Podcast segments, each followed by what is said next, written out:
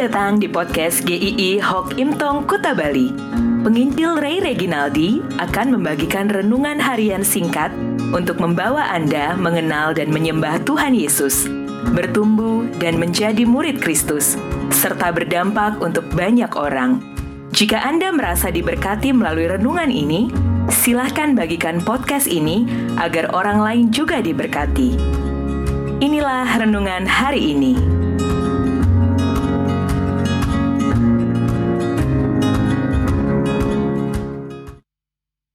Tidak bisa tidak cerita. Kisah 4 ayat 20. Sebab tidak mungkin bagi kami untuk tidak berkata-kata tentang apa yang telah kami lihat dan yang telah kami dengar. Kalau kita mendengar khotbah tentang memberitakan Injil, sering kali kita mendapatkan ilustrasi seperti ini. Kalau kita makan bakso yang enak, pasti kita semangat untuk cerita ke orang lain bahwa ada bakso yang enak. Masa berita tentang keselamatan yang jauh lebih indah dari bakso itu kita tidak mau cerita kepada orang lain? Sebenarnya ini perbandingan yang kurang tepat. Karena menceritakan makan bakso, makan es krim, ada restoran yang enak, itu tidak menyentuh keyakinan personal seseorang. Tidak mungkin orang kita ceritakan tentang bakso yang enak akan berkata, "Maaf, saudara menyinggung keyakinan saya. Saya sudah punya langganan di bakso B yang tidak bisa digoyahkan. Saya tersinggung ketika Anda menyarankan saya ke bakso A."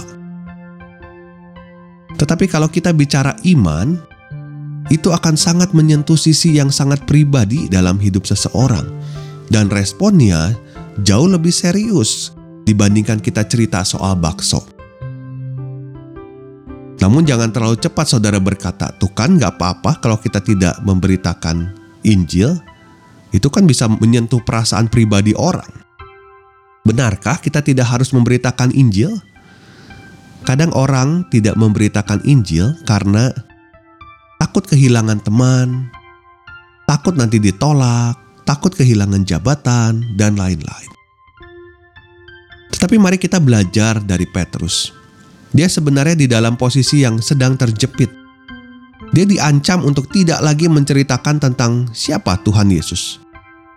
Cari aman, itulah yang pada umumnya orang akan melakukan dalam kondisi terjepit tidak susah bukan untuk tetap diam dan tidak menceritakan sesuatu yang akan membuat nyawa kita tetap aman. Tetapi buat Petrus, mengambil keputusan untuk diam itu tidak menceritakan Injil itu tidak sesederhana hal itu. Tidak semurah itu harganya. Menceritakan tentang Tuhan Yesus itu lebih dari sekedar kewajiban buat Petrus menceritakan tentang karya Tuhan Yesus itu sudah begitu menyatu dalam hidupnya. Ada dua hal yang membuat Petrus tetap pada pendiriannya untuk tetap bersaksi. Pertama adalah pengalamannya.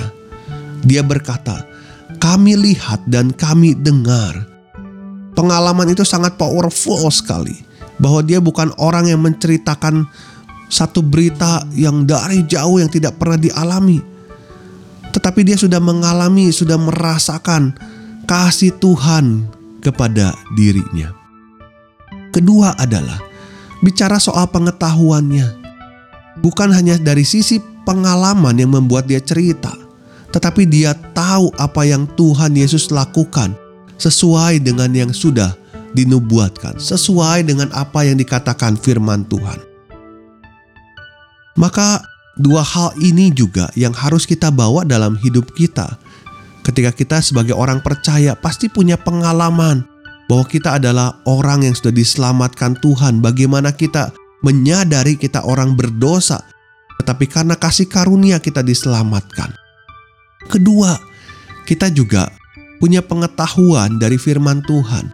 Dan ini juga perlu untuk kita diperlengkapi untuk bagaimana caranya kita memberitakan dengan baik. Jika Anda rindu untuk banyak orang mendengar firman Tuhan tentang Injil, maka kita akan menceritakan pengalaman Tuhan Yesus yang sudah menyelamatkan hidup kita, dan bagaimana firman Tuhan iya dan pasti mengatakan Dia satu-satunya Juru Selamat. Memang tidak mudah untuk memperkatakan Injil, tetapi ingat, ada satu lagi hal yang begitu pentingnya. Ada Allah Roh Kudus yang menyertai kita. Dia yang akan menolong, dia akan menguatkan, memampukan kita. Tetapi ketika kita rindu untuk memberitakan Injil, kita pasti rindu juga untuk diperlengkapi untuk cara penyampaiannya. Bagaimana caranya? Anda bisa belajar di gereja Anda, berdiskusi dengan hamba Tuhan Anda, atau mencari bahan-bahan yang tepat dan benar. Seringkali orang salah mengerti bahwa penginjilan yang berhasil adalah ketika orang yang diberitakan Injil itu menerimanya. Sehingga banyak orang akhirnya bisa menjadi kecut hati, takut gagal. Karena ketika orang tidak menerima itu artinya kita gagal.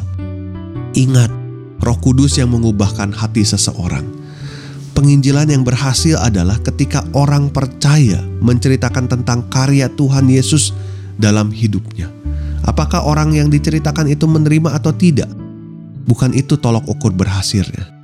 Berhasil adalah ketika sudah menyampaikan karya Kristus itu. Di dalam Tuhan Yesus, kita dijalin dengan relasi-relasi yang indah di dalamnya. Apa maksudnya nih? Episode selanjutnya kita akan bahas. Tuhan memberkati.